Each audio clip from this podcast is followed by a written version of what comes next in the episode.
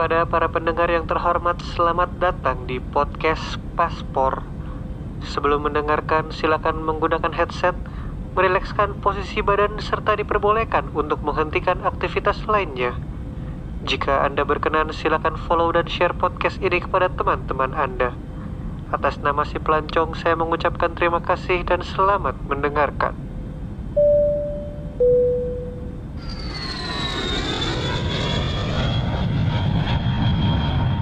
Halo para wisatawan dan wisatawati Irase Mase. Nah, dari salamnya aja udah ketahuan dong. Kali ini gue mau berbagi pengalaman unik saat gue ke Jepang. Tapi karena banyak banget cerita seru saat ke Jepang, jadi di episode kali ini gue cuma bakal ceritain pengalaman gue selama di Tokyo aja.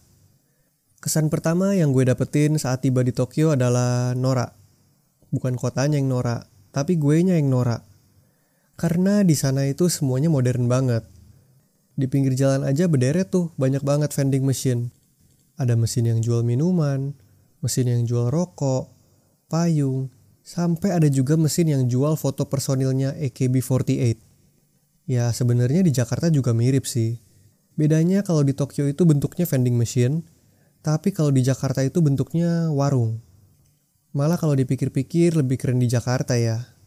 Warungnya itu cuma satu, tapi bisa jual semua barang. Cuma sayang, warung di Jakarta nggak ada yang jual foto personil JKT48.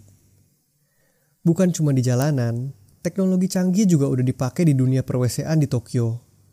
Di sana WC-nya tuh canggih banget. Tinggal pencet tombol, langsung deh nyemprot air buat kita cebok.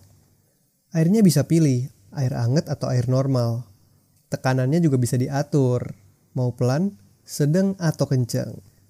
Dan kalau badan lu lagi kedinginan, dudukan pantatnya juga bisa dibikin jadi anget. Pokoknya, toilet di Jepang itu berak kebel banget deh. Terus yang lebih keren lagi, hampir semua bangunan bertingkat di Tokyo itu pakai teknologi konstruksi yang tahan gempa. Secara kan Jepang itu sering banget ya kena gempa bumi.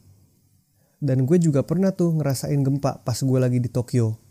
Kejadiannya itu malam-malam pas gue udah di hotel. Pas gue lagi beberes, gue ngerasa kepala sama badan gue goyang gitu kayak orang pusing. Terus gak lama gue nyadar, waduh gempa nih. Karena panik, gue langsung tuh keluar kamar buat turun ke lobby. Dan karena katanya kalau gempa gak boleh naik lift, jadi gue turun tuh dari lantai 6 ke lobby lewat tangga darurat. Terus begitu sampai di lobby, gak ada sama sekali orang yang ngumpul buat evakuasi. Gue tanya resepsionis dong, dia cuma bilang, Iya, beberapa menit lalu baru aja ada gempa tapi cuma gempa kecil. Lagian hotel ini tahan gempa.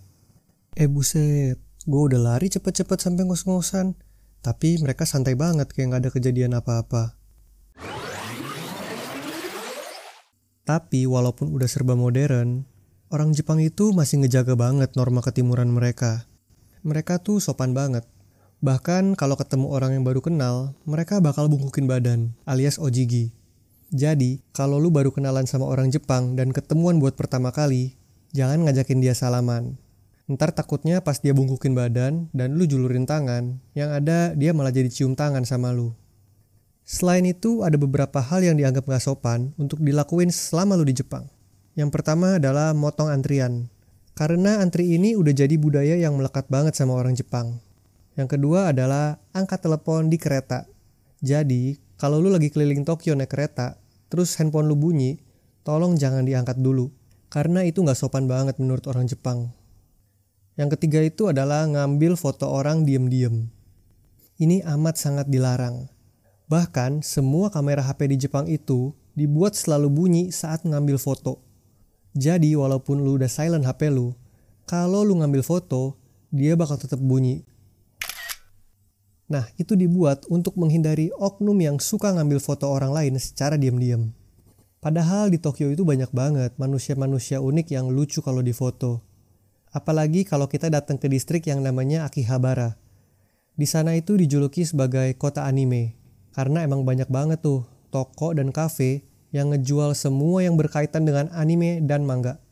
Terus yang tadi gue bilang, di sana itu banyak manusia unik Bayangin aja, pas gue lagi berdiri di depan restoran, tiba-tiba gue ngeliat beberapa orang jalan pakai kostum Naruto. Gue sampai bingung, Sebenarnya gue ini lagi di Akihabara apa di desa Konoha ya. Selain pakai kostum anime, orang-orang Jepang juga suka pakai yukata atau kimono. Itu loh, baju tradisional khas Jepang. Yukata biasa dipakai pas musim panas. Kalau kimono dipakai pas musim dingin. Tapi ya itu tadi, jangan pernah lu ngambil foto orang Jepang yang pakai yukata atau kimono secara diam-diam. Kalau ketahuan bisa panjang urusannya. Bahkan bisa sampai ke kantor polisi. Jadi kalau emang lu mau ngambil foto mereka atau ngajak foto bareng, mending samperin terus minta izin ke mereka. Biasanya bakal dikasih kok, karena basically orang Jepang itu ramah-ramah. Saking ramahnya, bahkan pas gua nginep di hotel yang deket Gunung Fuji, pernah ada orang Jepang yang ngajakin gue buat onsen. Lu semua pasti tahu dong onsen itu apa. Yap, berendam di pemandian air panas ala Jepang. Tujuannya buat kesehatan sama awet muda gitu. Tapi salah satu syaratnya adalah lu nggak boleh punya tato dan lu harus telanjang bulat tanpa sehelai pakaian pun saat onsen. Pas gue diajakin, otak gue langsung traveling tuh. Ngebayangin adegan di film favorit cowok-cowok. Kan banyak ya yang ceritanya lagi di onsen, berendam. Terus tiba-tiba ujungnya ike-ike kimochi. Akhirnya gue mutusin buat okein ajakan si kakek itu. Dan pas gue mau masuk ke ruangan onsen, ternyata ruangan onsen cowok dan cewek itu dipisah. Gak kayak di film-film itu. Langsung lah gue batalin rencana onsen gue. Gila aja. Awalnya kan tujuan gue onsen buat ngeliat dorayakinya cewek-cewek. Masa ujung-ujungnya malah ngeliat ikan salmonnya cowok-cowok. Tapi ya, ngomongin soal film dewasa, seks itu bukan hal yang tabu sih di Jepang. Kalau lu ke minimarket aja, banyak tuh majalah-majalah pria dewasa bertebaran di situ. Terus ada juga toko-toko khusus yang ngejual barang-barang macam sex toys, kostum-kostum, dan benda-benda ajaib lain. Bahkan di hotel juga ada yang namanya pay movie, alias tontonan berbayar. Jadi penghuni hotel itu bisa nonton blue film di TV kamar dengan biaya tambahan. Ada yang biayanya ditagih pas check out, ada juga hotel yang jual akses pay movie lewat vending machine yang ada di hotel. Tapi kalau gue sih anti sama pay movie ya. Bukannya apa? Kan ada wifi hotel. Buka aja di HP. Gratis. Udah deh, daripada makin ngawur, kita balik ngomongin hotel aja. Di Jepang itu ada banyak banget jenis tempat nginep. Ada hotel biasa, hotel kapsul, Sampai yang belakangan ini banyak disewa orang Indonesia, yaitu Airbnb. Tapi saran gue, kalau lu ke Jepang, lu harus cobain juga nginep di ryokan. Jadi ryokan itu adalah hotel bergaya tradisional Jepang. Lantainya itu biasa dilapis stiker atau tatami. Terus nanti kita itu tidurnya bukan pakai ranjang, tapi pakai futon atau kasur tidur ala Jepang yang ditaruh di atas tatami.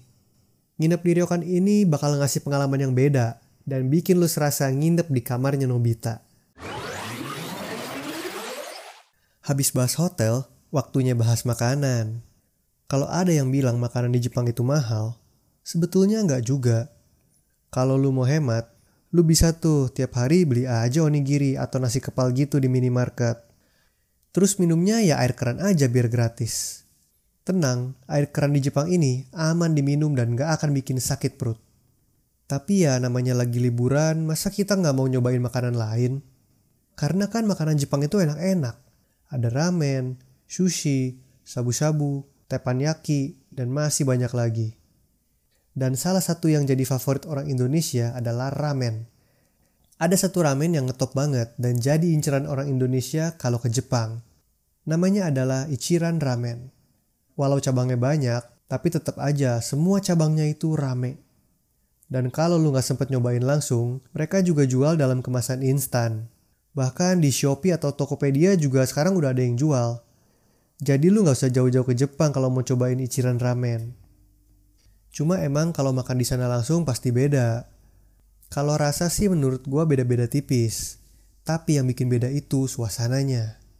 Orang Jepang itu kalau makan mie, mau ramen, soba, atau udon, mereka tuh pasti makannya berisik. Bukan berisi karena teriak-teriak, tapi mereka bakal makan mie sambil nyeruput kenceng-kenceng. Jadi kayak karena katanya itu bikin rasa mie-nya makin enak. Cuma saran gue, lu gak usah ikut-ikutan orang Jepang deh. Karena temen gue pernah nyoba nyeruput ramen kenceng-kenceng, yang ada dia malah keselak sampai batuk-batuk. Bukannya jadi enak tuh ramen, malah gue yang jadi gak enak sama pengunjung lain gara-gara kelakuan temen gue itu. Selain kulineran, yang jadi favorit orang Indonesia adalah belanja oleh-oleh. Tapi sebelum kita lanjut, gue kasih tahu dulu dua peraturan belanja di Jepang. Pertama, jangan pernah ngasih tip. Hah? Nggak salah tuh. Bukannya malah seneng harusnya. Ya itu mungkin di negara lain. Tapi di Jepang, tip itu dianggap sebagai hal yang nggak sopan dan merendahkan pekerjaan seseorang. Ini berlaku bukan cuma pas lagi belanja ya, Pas lu lagi di hotel atau lagi makan atau apa pun juga sama. Jangan pernah ngasih tip ke orang yang layanin kita. Yang kedua adalah pas mau bayar. Jangan pernah kasih duit atau kartu kredit kita langsung ke kasir. Tapi taruh dulu di nampan kecil yang ada di meja kasir. Dan biarin si kasir yang ambil duit kita atau kartu kita di nampan itu. Kalau ada kembalian juga sama. Biarin si kasir taruh kembalian di sana. Dan nanti baru lu ambil duit kembaliannya di nampan itu. Jangan lupa selesai belanja ucapin Arigato gozaimasu sambil nundukin kepala. Oke, balik lagi ke belanja. Banyak banget oleh-oleh khas Jepang buat kita bawa pulang. Ada gantungan kunci, pajangan, kaos, dan masih banyak lagi. Tapi salah satu yang jadi favorit adalah camilan atau snack. Dan di Jepang itu ada banyak banget jenis snack. Dan packagingnya itu lucu-lucu. Bukan cuma packaging sih, rasanya juga unik-unik kayak coklat rasa kari, wafer rasa kecap asin, sampai keripik rasa tinta cumi. Tapi ya kalau mau beli buat oleh-oleh, mending beli yang wajar-wajar aja. Dan itu pun harus hati-hati pas milih. Karena gue pernah salah beli oleh-oleh. Niatnya beli KitKat green tea buat calon mertua. Eh ternyata yang gue kasih malah KitKat rasa wasabi. Nah, itu tadi sedikit cerita gue saat jalan-jalan ke Tokyo. Semoga bisa memberi hiburan dan pencerahan buat lu yang mau traveling ke sana. Anyway, buat para wisatawan dan wisatawati yang punya cerita seru saat liburan, ayo share cerita lu ke Instagram kita at podcast.paspor. Karena ada hadiah uang tunai untuk setiap cerita yang terpilih. Thank you guys for listening. Jangan lupa follow kita di Instagram dan Spotify supaya lu gak ketinggalan episode-episode podcast paspor selanjutnya. Bye bye and see you on the next episode.